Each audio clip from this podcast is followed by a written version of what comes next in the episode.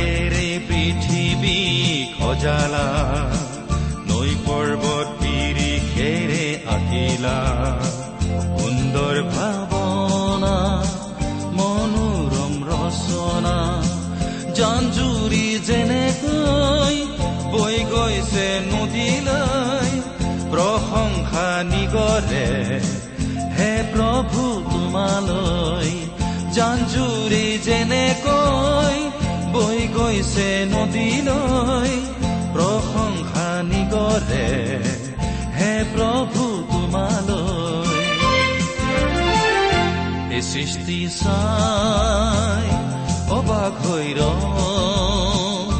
যেনি চাও নুবুজো তুমি কেনে মহিমাময়।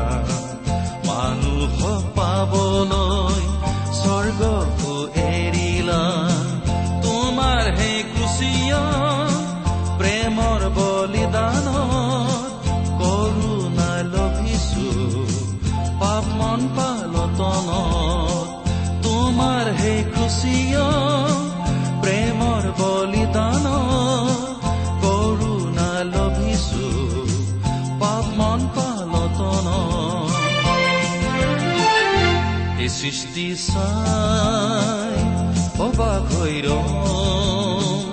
যেনি চাও নবুজো তুমি কেনে মহিমাময় এই সৃষ্টি চাই অবাক হৈ যেনি চাও নবুজো তুমি কেনে মহিমাময় আমাৰ পৰম পবিত্ৰ প্ৰভু যীশুখ্ৰীষ্টৰ নামত নমস্কাৰ প্ৰিয় শ্ৰোতা। আশা কৰো মহান পিতা পৰমেশ্বৰৰ মহান অনুগ্ৰহত আপুনি ভালে কুশলে আছে। আপুনি বাৰু আমাৰ এই ভক্তিবচন অনুষ্ঠানটো নিয়মিতভাৱে শুনি আছেনে? শুনি কেনে পাইছে বাৰু? এই অনুষ্ঠান সম্বন্ধে আপোনাৰ মতামত দিহা পৰামৰ্শ আদি জনাই আমালৈ চিঠি লিখিবচোন। যদিহে আপুনি আমাৰ নিয়মীয়া শ্ৰোতা কিন্তু কেতিয়াও আমালৈ চিঠি পত্ৰ লিখা নাই তেনেহলে আজিয়ে লিখিবচোন। যদি আমালৈ মাজে সময়ে চিঠি পত্ৰ লিখি আছে তেনেহলে তাৰ বাবে আপোনাক ধন্যবাদ জনাইছো। আপোনালোকৰ পৰা পোৱা চিঠি পত্ৰই আচলতে আমাৰ উৎসাহ উদ্দীপনাৰ উৎসৰ নিচিনা। আহকচোন আজিৰ বাইবেল অধ্যয়ন আৰম্ভ কৰাৰ আগতে খন্তেক প্ৰাৰ্থনাত মূৰ দুৱাওঁ। আমি প্ৰাৰ্থনা কৰো স্বৰ্গত থকা অসীম দয়ালু পিতৃ ঈশ্বৰ তোমাৰ মহান নামৰ ধন্যবাদ কৰো।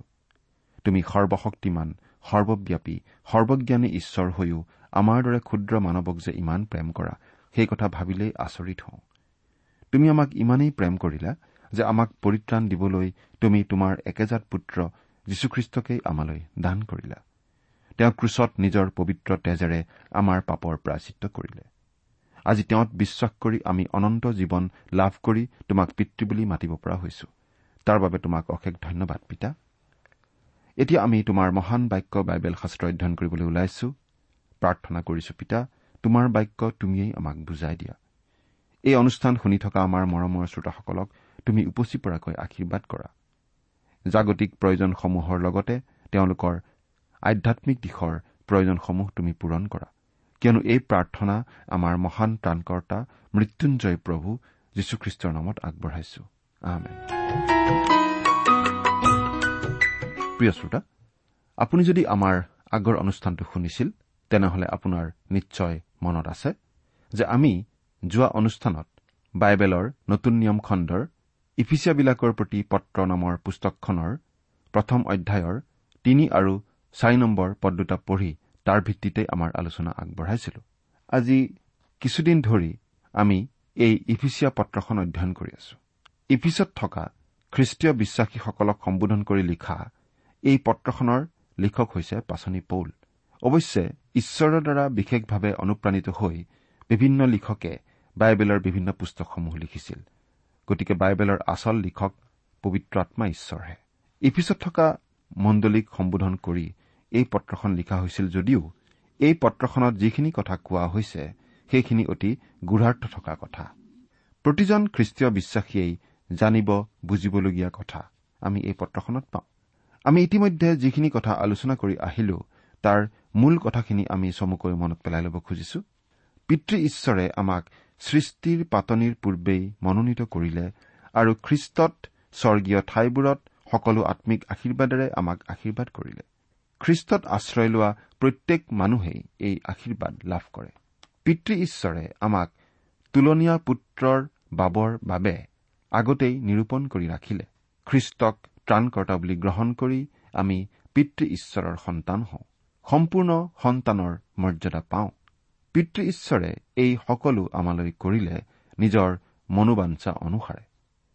তেওঁৰ পৰা কোনো আশীৰ্বাদ পোৱাৰ যোগ্য আমি নহয়। কিন্তু তেওঁ মহান অনুগ্ৰহ দেখুৱাই আমাক উদ্ধাৰ কৰিলে। প্ৰিয়জনাত অৰ্থাৎ যীশুখ্ৰীষ্টত আমাক গ্ৰহণ কৰিলে। আচলতে তেওঁ আমাক নিজৰ লোক কৰি ল'বলৈ পূৰ্বৰে পৰা নিৰূপণ কৰি ৰাখিছিল। অৱশ্যে তাৰ মানে এইটো নহয় যে কিছুমান লোকক ঈশ্বৰে আগতেই ত্যাগ কৰি থৈছে। আচলতে প্ৰভু যীশুক গ্ৰহণ কৰি পৰিত্ৰাণ লাভ কৰাৰ সুবিধা সকলো লোকলৈকে দিয়া হৈছে। সেই সুবিধা গ্ৰহণ কৰাৰ স্বাধীনতা যেনেকৈ সকলোৰে আছে প্ৰভু যীশুক প্ৰত্যাখ্যান কৰাৰ স্বাধীনতাও মানুহৰ আছে। কাৰণ এটা স্বাধীন চিতিয়া মন সকলো মানুহকেই ঈশ্বৰে দিছে। কিন্তু কোন কোন লোকে তেওঁক গ্ৰহণ কৰিব আৰু কোনে কোনে তেওঁক প্ৰত্যাখ্যান কৰিব সেইটো পিতৃ ঈশ্বৰে আগতেই জানে। সেয়া তেওঁৰ পূৰ্বজ্ঞান কাৰণ তেওঁ সৰ্বজ্ঞানী ঈশ্বৰ। ভৱিষ্যতৰ সকলো কথাও তেওঁ আগতেই জানে। আজি আমি এই ইফিচিয়া পুস্তকৰ প্ৰথম অধ্যায়ৰ পাঁচ নম্বৰ পদৰ পৰা সাত নম্বৰ পদলৈকে পাঠ কৰি তাৰ ভিত্তিতে আমাৰ আলোচনা আগবঢ়াব খুজিছো। আপোনাৰ বাইবেলখন মেলি লৈছেনে বাৰু প্ৰিয় শ্ৰোতা? আমি এতিয়া পাঠ কৰি দিম। পাঁচ নম্বৰ পদৰ পৰা আৰম্ভ কৰিছো। অনুগ্ৰহ কৰি চাই যাব। তেওঁ যি অনুগ্ৰহ প্ৰিয়জনাত আমাক দান কৰিলে সেই অনুগ্ৰহৰ প্ৰতাপৰ প্ৰশংসাৰ কাৰণে নিজ মনোবাঞ্চাৰ দৰে যীশুখ্ৰীষ্টৰ দ্বাৰাই তুলনীয়া পুত্ৰৰ বাবৰ অৰ্থে তেওঁলৈ আমাক পূৰ্বৰে পৰা নিৰূপণ কৰিলে। সেই প্ৰিয়জনাত আমি তেওঁৰ তেজৰ দ্বাৰাই মুক্তি অৰ্থাৎ অপৰাধবোৰৰ মোচন তেওঁৰ অনুগ্ৰহৰূপ ধনৰ দৰে পালো। অনাদি অতীত কালতেই ঈশ্বৰে আমাক মনোনীত কৰিলে নিৰূপণ কৰি ৰাখিলে আৰু প্ৰিয়জনাত অৰ্থাৎ প্ৰভু যীশুখ্ৰীষ্টত আমাক গ্ৰহণ কৰিলে। এতিয়া সেই অনাদি অতীতৰ পৰা আমি ইতিহাসত সোমাই পৰিছো আৰু আমি পাওঁ পিতৃ ঈশ্বৰৰ আঁচনি তেওঁৰ পৰিকল্পনা খ্ৰীষ্টৰ হাতত দিয়া হ'ল। আৰু খ্ৰীষ্টই সেই আঁচনি ৰূপায়িত কৰিবলৈ মণ্ডলী গঠনৰ কামত লাগি গৈছে। এইটো এটা ঐতিহাসিক সত্য যে যীশুখ্ৰীষ্টই প্ৰায় দুহেজাৰ বছৰ পূৰ্বে এই জগতত জন্ম লৈছিলহি। মানৱৰ মাজত ঈশ্বৰৰ প্ৰৱেশ ঘটিছিল আৰু এই পৃথিৱীত তেত্ৰিছ বছৰ কাল থাকি তেওঁ ক্ৰুচৰ ওপৰত মৃত্যুবৰণ কৰিছিল। তেওঁক কবৰ দিয়া হৈছিল। তেওঁ সোঁ শৰীৰে আকৌ জি উঠিছিল আৰু সোঁ শৰীৰে স্বৰ্গলৈ উঠি গৈছিল। ঈশ্বৰৰ বাক্যই এই ঐতিহাসিক তথ্যখিনি আমাক দিছে। এই পৃথিৱীলৈ আহি তেওঁ আমাক মুক্তি দিলে আৰু সেই মুক্তি হৈছে তেওঁৰ তেজৰ যোগেদি। এই তেজৰ বিষয়টো আজিকালি বহুতো লোকে ভাল নাপায়। বেছিভাগ লোকেই এটা চকুত লগা আকৰ্ষণীয় ধৰ্মহে বিচাৰে। কিন্তু খ্ৰীষ্টৰ ক্ৰুচ আকৰ্ষণীয় নহয়। খ্ৰীষ্টৰ ক্ৰুচ চকুত লগা বস্তু নহয়। মানুহৰ গৌৰৱ মানুহৰ অহংকাৰক খ্ৰীষ্টৰ ক্ৰুচে সন্তুষ্ট নকৰে। খ্ৰীষ্টৰ তেজৰ কথা উল্লেখ কৰিবলৈ বহুতো লোকে আজি বেয়া পায়। তেজ শব্দটো কিছুমান লোকে অপ্ৰয়োজনীয় বুলিও ভাবে। কিন্তু আমি ভাল পাওঁ বা বেয়া পাওঁ সেইটো আচল কথা নহয়। ঈশ্বৰেনো কিহত গুৰুত্ব দিছে সেইটোহে আচল কথা। সেইটোহে গুৰুত্বপূৰ্ণ কথা। পিতৃ ঈশ্বৰে আঁচনি প্ৰস্তুত কৰিলে আৰু পুত্ৰ যীশুখ্ৰীষ্টই সেই আঁচনি ৰূপায়িত কৰিবলৈ পৃথিৱীলৈ আহিল। গজালেৰে বিন্ধা হাতেৰে। গজালেৰে বিন্ধোৱা হাতেৰে তেজ ওলাবই ঈশ্বৰৰ আঁচনি ৰূপায়িত কৰিবলৈ খ্ৰীষ্টৰ তেজ লাগিবই। পুৰণি নিয়মৰ দিনৰ পৰাই পাপমোচনৰ বাবে জন্তু বলি দিয়া প্ৰথাটো আমি পাওঁ। আচলতে পুৰণি নিয়মত বলিবিধানৰ ওপৰত বহলাই উল্লেখ কৰা হৈছে। কিন্তু জন্তুৰ তেজে মানুহৰ পাপ নাইকিয়া কৰি দিব নোৱাৰে। কেৱল খ্ৰীষ্টৰ যোগেদি তেওঁৰ তেজৰ যোগেদি সেইটো সম্ভৱপৰ হৈ উঠিল। বাইবেলত এনেদৰে লিখা হৈছে ইব্ৰী পুস্তক দহ নম্বৰ অধ্যায়ৰ ছয়ৰ পৰা তেৰ নম্বৰ পদলৈকে পাঠ কৰি দিম। আমি তাত এনেদৰে পাওঁ হোমত আৰু পাপাৰ্থক বলিদানত তুমি সন্তুষ্ট নহলা। তেতিয়া মই কলো চোৱা মই আহিলো। পুস্তকখনত মোৰ বিষয়ে এনে লিখা আছে হে ঈশ্বৰ মই তোমাৰ ইচ্ছা পালন কৰিবলৈ আহিলো। তেওঁ ওপৰত প্ৰথমতে কয় বলিদান নৈবেদ্য হোম আৰু পাপাৰ্থক বলিদানলৈ তুমি ইচ্ছা নকৰিলা আৰু সেইবোৰত সন্তুষ্টও নহলা। এইবোৰ বিধানৰ দৰে উৎসৃষ্ট হয়। পাছত কলে চোৱা মই তোমাৰ ইচ্ছা পালন কৰিবলৈ আহিলো। এই দ্বিতীয়টো থিৰ কৰিবৰ কাৰণে তেওঁ প্ৰথমটো গুচাই পেলাইছে। সেই ইচ্ছাৰে আমি যীশুখ্ৰীষ্টৰ শৰীৰ নৈবেদ্য স্বৰূপে একেবাৰে উৎসৰ্গ কৰাৰ দ্বাৰাই পবিত্ৰীকৃত হলো। প্ৰতিজন পুৰোহিতে থিয় হৈ দিনে দিনে সেৱাৰ কাৰ্য কৰি যি প্ৰকাৰৰ বলিদানে কেতিয়াও পাপ গুচাব নোৱাৰে সেই একে প্ৰকাৰৰ বলিদান বাৰে বাৰে উৎসৰ্গ কৰি থাকে। কিন্তু তেওঁ হলে একমাত্ৰ পাপাৰ্থক বলিদান উৎসৰ্গ কৰি সদাকালৰ অৰ্থে ঈশ্বৰৰ সোঁফালে বহি তেতিয়াৰে পৰা তেওঁ শত্ৰুবিলাকক তেওঁৰ ভৰি পীড়া কৰা নোহোৱা মানলৈকে অপেক্ষা কৰি আছে। সেই প্ৰিয়জনাত আমি তেওঁৰ তেজৰ দ্বাৰাই মুক্তি। সেই প্ৰিয়জনাত মানে খ্ৰীষ্টত। আমাক পিতৃ ঈশ্বৰে গ্ৰহণ কৰে প্ৰিয়জনাত অৰ্থাৎ খ্ৰীষ্টত। তাৰমানে খ্ৰীষ্টত আশ্ৰয় লোৱা প্ৰতিজন লোককেই পিতৃ ঈশ্বৰে গ্ৰহণ কৰে। মুক্তি দিয়া কাৰ্যটো হৈছে খ্ৰীষ্টৰ মুখ্য কাম। ইয়াত আচলতে মুক্তি বা ইংৰাজীত ৰিডেমছন শব্দটোত অধিক গুৰুত্ব দি বুজোৱা হৈছে। আচলতে এই শব্দটোক এই বাক্যটোত সৰ্বাধিক গুৰুত্ব দিয়া হৈছে। এই কাৰ্যটোৰ বাবেই খ্ৰীষ্ট জগতলৈ আহিছিল। প্ৰভু যীশু আহিছিল আপোনাৰ আৰু মোৰ সকলো মানৱৰেই মুক্তিৰ মূল্য দিবলৈ। আমি আছিলো পাপৰ দাস আৰু তেওঁ আহিছিল আমাক মুক্তি দিবলৈ। আমাৰ মুক্তিৰ মূল্য দি অৰ্থাৎ আমাক দাস অৱস্থাৰ পৰা উদ্ধাৰ কৰি স্বাধীন কৰিবলৈ। গ্ৰীক ভাষাৰ তিনিটা বেলেগ বেলেগ শব্দ অনুবাদ কৰিবলৈ ইংৰাজীত একেটা শব্দ ৰিডেমছন ব্যৱহাৰ কৰা হৈছে। অৰ্থাৎ ইংৰাজীত ৰিডেমছন বা অসমীয়াত মুক্তি বুলি কওঁতে আমি যি বুজো গ্ৰীক ভাষাত কিন্তু তিনি ধৰণৰ অৰ্থ হ'ব পাৰে। তাৰে এটা গ্ৰীক শব্দ হৈছে এগৰেজো। আৰু ইয়াৰ অৰ্থ হৈছে বজাৰলৈ গৈ কোনো এটা বস্তু কিনি লোৱা। ঠিক এগৰাকী গৃহিণীয়ে বজাৰ কৰিবলৈ গৈ বজাৰত দৰ দাম কৰাৰ ছবি এখন আমি ইয়াতে পাওঁ। বজাৰত কিবা এটা বস্তু দেখি তেওঁ দামটো দিয়াৰ লগে লগে সেই বস্তু তেওঁৰ হৈ যায়। দোকানীয়ে আৰু সেই বস্তু তেওঁৰ পৰা উভতাই ল'ব নোৱাৰে। গতিকে এই এগৰেজী শব্দটোৱে বুজায় মূল্য দি কিনি লৈ অহা। এই শব্দটো পাচনি পৌলে ব্যৱহাৰ কৰিছে প্ৰথম কৰিন্থিয়া পুস্তকৰ ছয় নম্বৰ অধ্যায়ৰ বিশ নম্বৰ পদত পাঠ কৰি দিছো। তোমালোক নিজৰ নোহোৱা কিয়নো তোমালোক মূল্যেৰে কিনা হলা। এই হেতুকে তোমালোকৰ শৰীৰত ঈশ্বৰক গৌৰৱান্বিত কৰা। আনহাতে এগ্জাগৰাজ শব্দটোকো ৰিডেমছন অৰ্থাৎ মুক্তি বুলিয়েই কোৱা হৈছে। কিন্তু এই এগ্জাগৰাজ শব্দটোৱে বুজায় বজাৰৰ পৰা কিনি বাহিৰ কৰি লৈ অহা। অৰ্থাৎ কিবা এটা বস্তু নিজৰ ব্যৱহাৰৰ কাৰণে কিনি লৈ অহা। আমি বজাৰৰ পৰা কিবা বস্তু কিনি আকৌ বেলেগ এখন বজাৰত গৈ সেই বস্তু বেছি দামত বিক্ৰী কৰি দি লাভ কৰিব খুজিব পাৰো। কিন্তু একজগাৰাজ শব্দটোৱে হলে বুজায় নিজৰ কাৰণে কিনি লোৱাটোহে। আকৌ বিক্ৰী কৰিবলৈ কিনি লোৱাটো নহয়। নিজৰ কাৰণে কিনি লোৱা। আৰু এই শব্দটো ব্যৱহাৰ কৰা হৈছে গালাটীয়া পুস্তকৰ তিনি নম্বৰ অধ্যায়ৰ তেৰ নম্বৰ পদত এনেদৰে পাঠ কৰি দিছো। গালাটীয়া তিনি নম্বৰ অধ্যায়ৰ তেৰ নম্বৰ পদ। অব্ৰাহামৰ আশীৰ্বাদ যেন খ্ৰীষ্ট যীশুৰ দ্বাৰাই পৰজাতিবিলাকলৈ আহে আৰু আমি যেন অংগীকৃত আত্মা বিশ্বাসৰ দ্বাৰাই পাওঁ। চৈধ্য নম্বৰ পদটো পঢ়িছো। এইকাৰণে খ্ৰীষ্টে বিধানৰ সাপৰ পৰা আমাক মুক্ত কৰিলে। তেওঁ আমাৰ কাৰণে সাপস্বৰূপ হল কিয়নো লিখা আছে যিজনক কাঠত অৰা হয় তেওঁ সাপগ্ৰস্ত। গতিকে খ্ৰীষ্টই আমাক মূল্য দি কিনি ললে। আমাক আকৌ বিক্ৰী কৰা নহয়। অৰ্থাৎ আমি আকৌ পৰাধীন হ'ব নালাগে। তেওঁ আমাক বজাৰৰ পৰা উঠাই আনিলে। তেওঁ আমাক নিজৰ কৰি ললে। আমি তেওঁৰ হৈ পৰিলো। ৰিডেমশ্যন বা মুক্তি বুজোৱা তৃতীয়টো গ্ৰীক শব্দ হৈছে এপলুট্ৰচিছ। আৰু এই এপলুট্ৰচিছ শব্দটোকেই এই ইফিচিয়া পুস্তকৰ এক নম্বৰ অধ্যায়ৰ সাত নম্বৰ পদত ব্যৱহাৰ কৰা হৈছে। আৰু এই এপলুট্ৰচিছ শব্দটোৰ অৰ্থ হৈছে কোনো এজন ব্যক্তিক মুক্তিৰ মূল্য দি স্বাধীন কৰি দিয়া। লোকে লিখা শুভবাৰ্তা একৈশ নম্বৰ অধ্যায়ৰ আঠাইছ নম্বৰ পদতো একে অৰ্থ প্ৰকাশ পাইছে। লোক একৈশ অধ্যায় আঠাইছ পদ। আপোনালোকে নিজে চাই ল'ব লোক একৈশ অধ্যায় আঠাইছ পদ। কোনো এজন মানুহক যদি কোনোবাই বন্দী কৰি থৈ মুক্তিপণ দাবী কৰে তেতিয়া সেই মুক্তিপণ দিলেহে সেই মানুহজন মুক্ত হ'ব পাৰিব। কোনোবাই সেই মুক্তিপণ দি মানুহজনক মোকোলাই আনিব পাৰিব। এনেদৰে মোকোলাই অনা ভাৱটো প্ৰকাশ কৰা হৈছে এই সাত নম্বৰ পদ।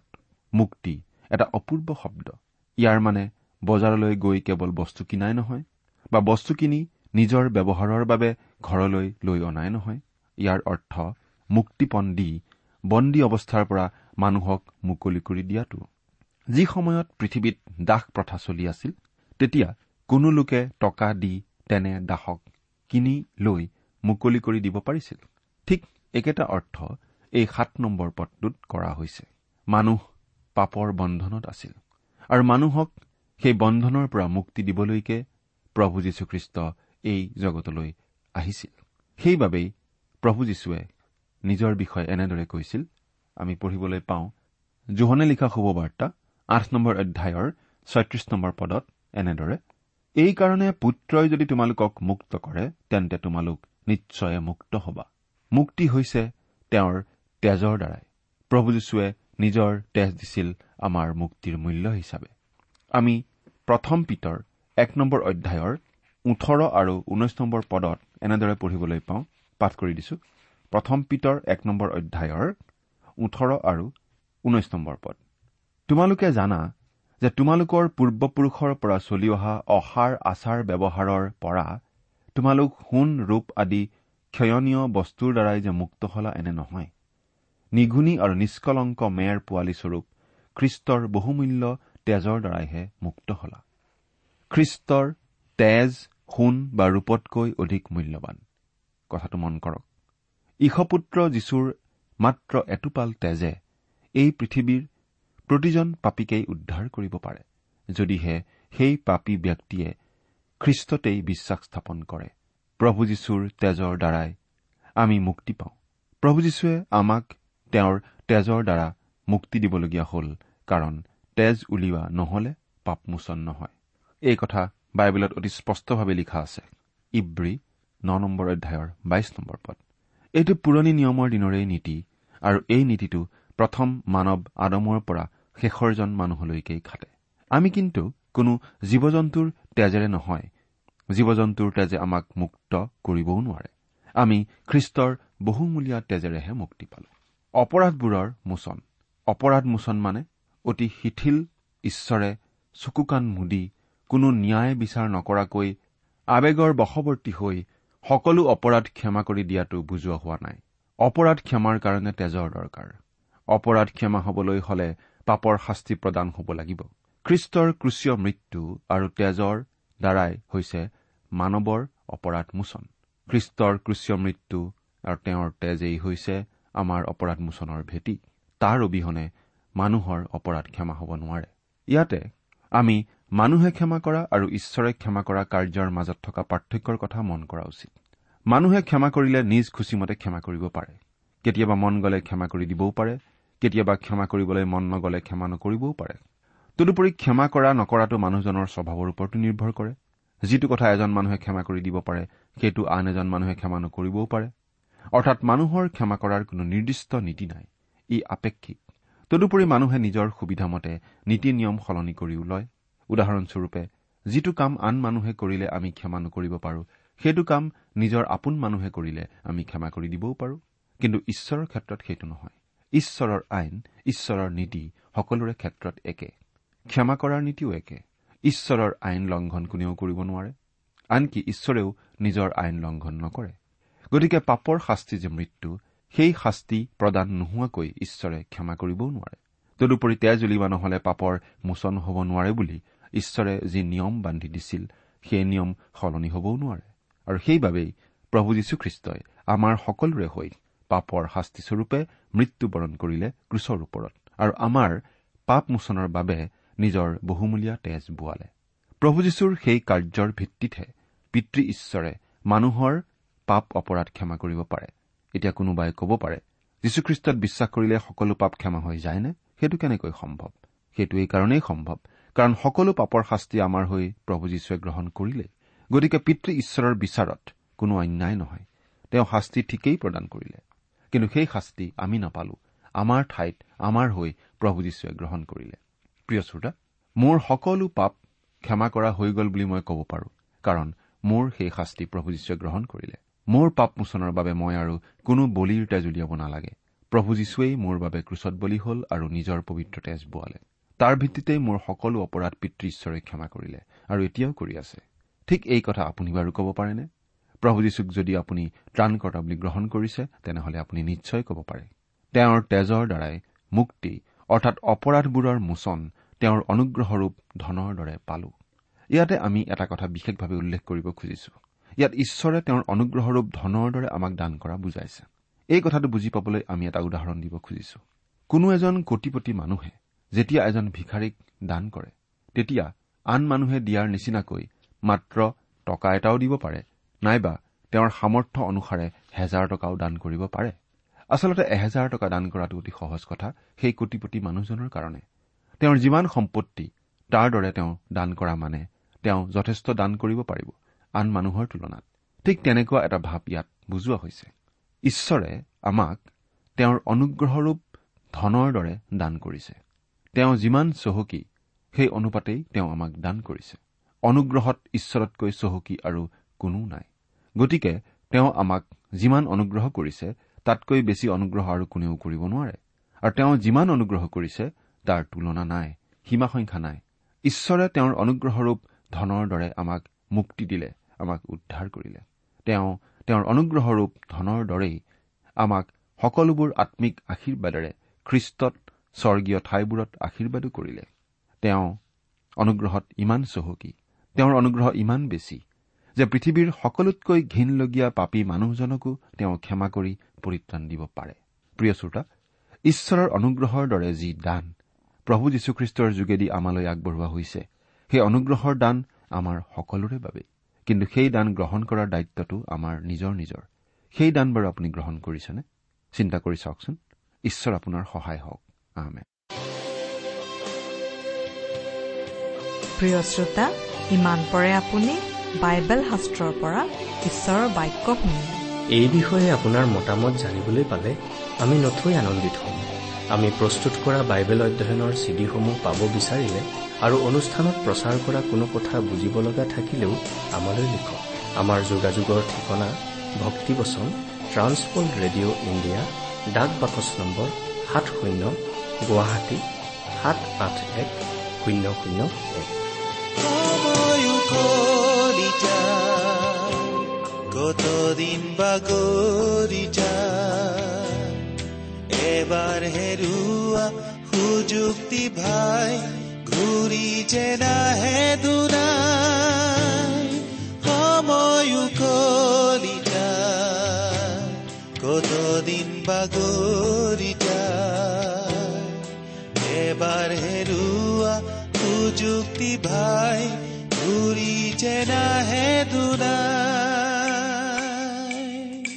এই যে জীৱন দুদিনীয়া আজি আছে কাইলৈ নাই এই যে জীৱন দুদিনীয়া আজি আছে কাইলৈ না মাটিৰ মানুহে পায় মাটিতে ঠাই হেৰুৱা সুযোগ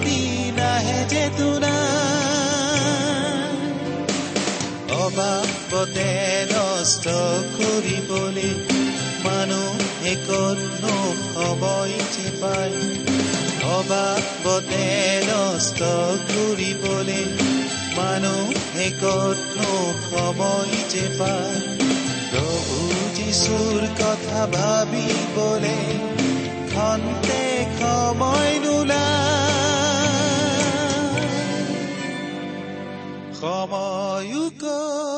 ঠিকনাটো আকৌ এবাৰ কৈছো।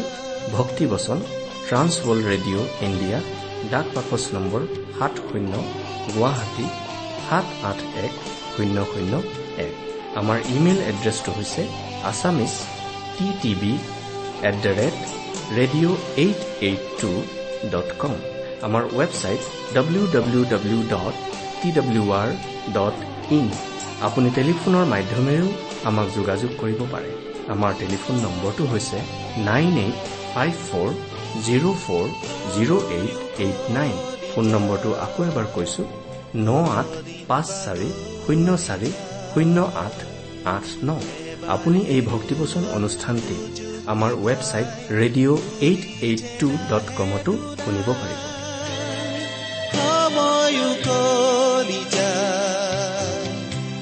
কতদিন বাগৰি যায়? এবাৰ হেৰুৱা সুযুক্তি ভাই ঘূৰি যে নাহে দুনাই। আজিৰ অনুষ্ঠানটি ইমানতেই সামৰিছো। ঈশ্বৰৰ শান্তি আৰু অনুগ্ৰহ আপোনাৰ লগত থাকক। ধন্যবাদ। সময়া যিচুৰ প্ৰেমৰ আহ্বানলৈ সঁহাৰি দিয়াৰ সময়া এবাৰ দুৱাৰ বন্ধ হলে নেমেলিব যিচুৱে দুনাই ৰাগ বিলাস আৰু জাগতিকতা জীৱনৰ ভুক্তি আত্মকুচাই লাখ বিলাস আৰু জাগতিকতাই জীৱনৰ আত্মকুচাই প্ৰকৃতি শান্তি যিচুকেহে পায় তেওঁতে আত্মাই চিৰণি পায় সময়ো